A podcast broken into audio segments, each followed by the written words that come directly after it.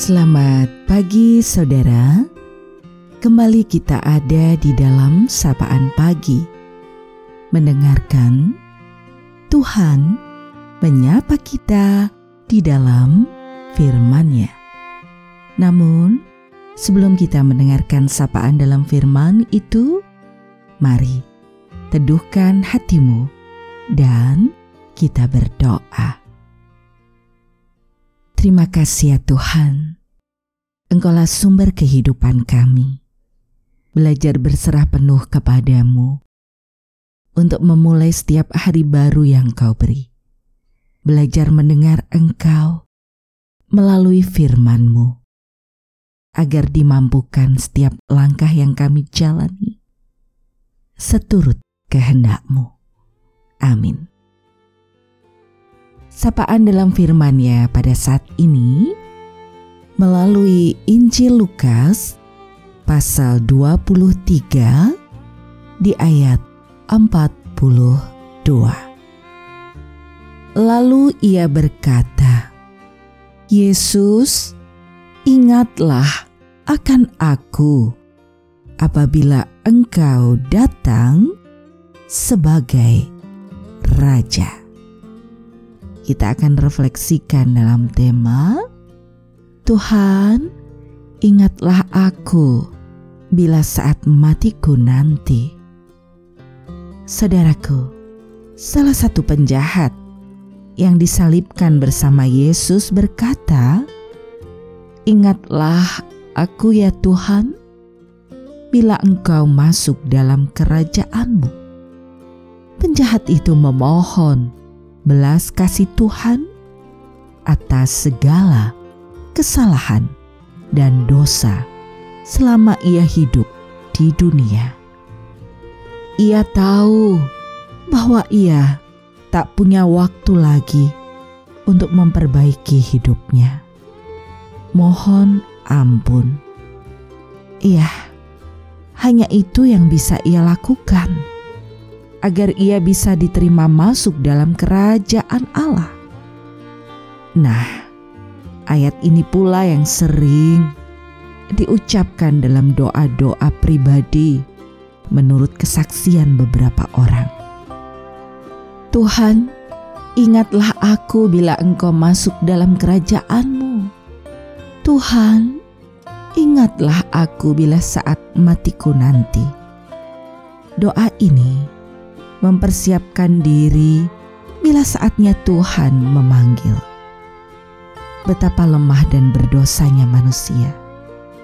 Sungguh membutuhkan pengampunan Tuhan agar pantas masuk di dalam kerajaannya.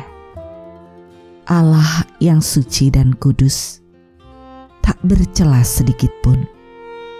Tak pantaslah bila bersatu dengan yang bercemar seperti manusia yang penuh kelemahan dan dosa.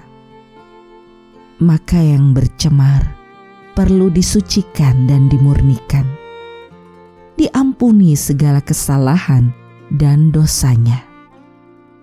Pengampunan itu dari kasih dan kemurahan Allah. Iya, Dia merengkuh kita dengan penuh belas kasih dan cintanya, dia sungguh mengampuni kita, mengampuni kesalahan dan dosa-dosa kita. Seperti pelangi yang indah karena banyaknya warna, begitulah kehidupan menjadi indah karena begitu banyak juga warna yang ada di dalamnya.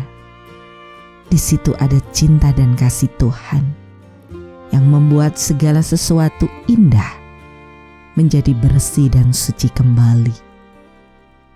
Ia ada dan merengkuh kita, penuh kasih, cinta, dan pengampunan dosa.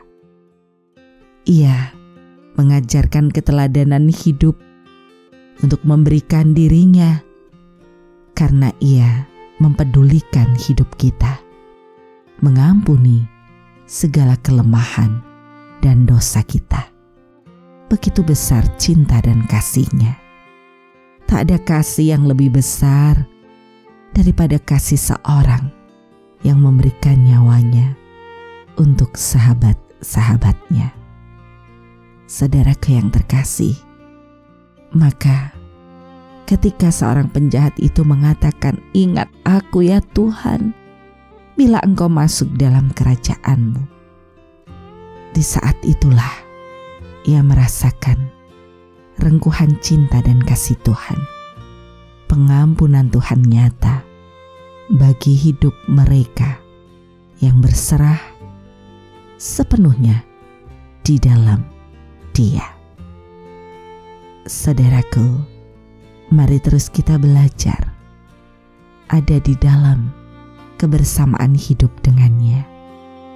Dalam kesadaran akan kelemahan diri, terus mempercayakan sepenuhnya kehidupan di dalam kasih dan cintanya.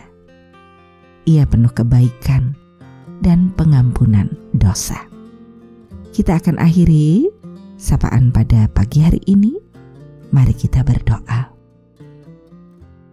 Demikian juga ungkapan doa kami Tuhan. Tuhan, ingat aku di dalam segala kehidupan yang kujalani, dalam keberdosaan dan kelemahan diri. Dan kami percaya Engkau merengkuh hidupku, merengkuh hidup kami. Engkau penuh dengan cinta dan pengampunan. Belajar menghayati segenap cinta kasih-Mu. Kami berserah diri mempercayakan kehidupan ini pada Engkau.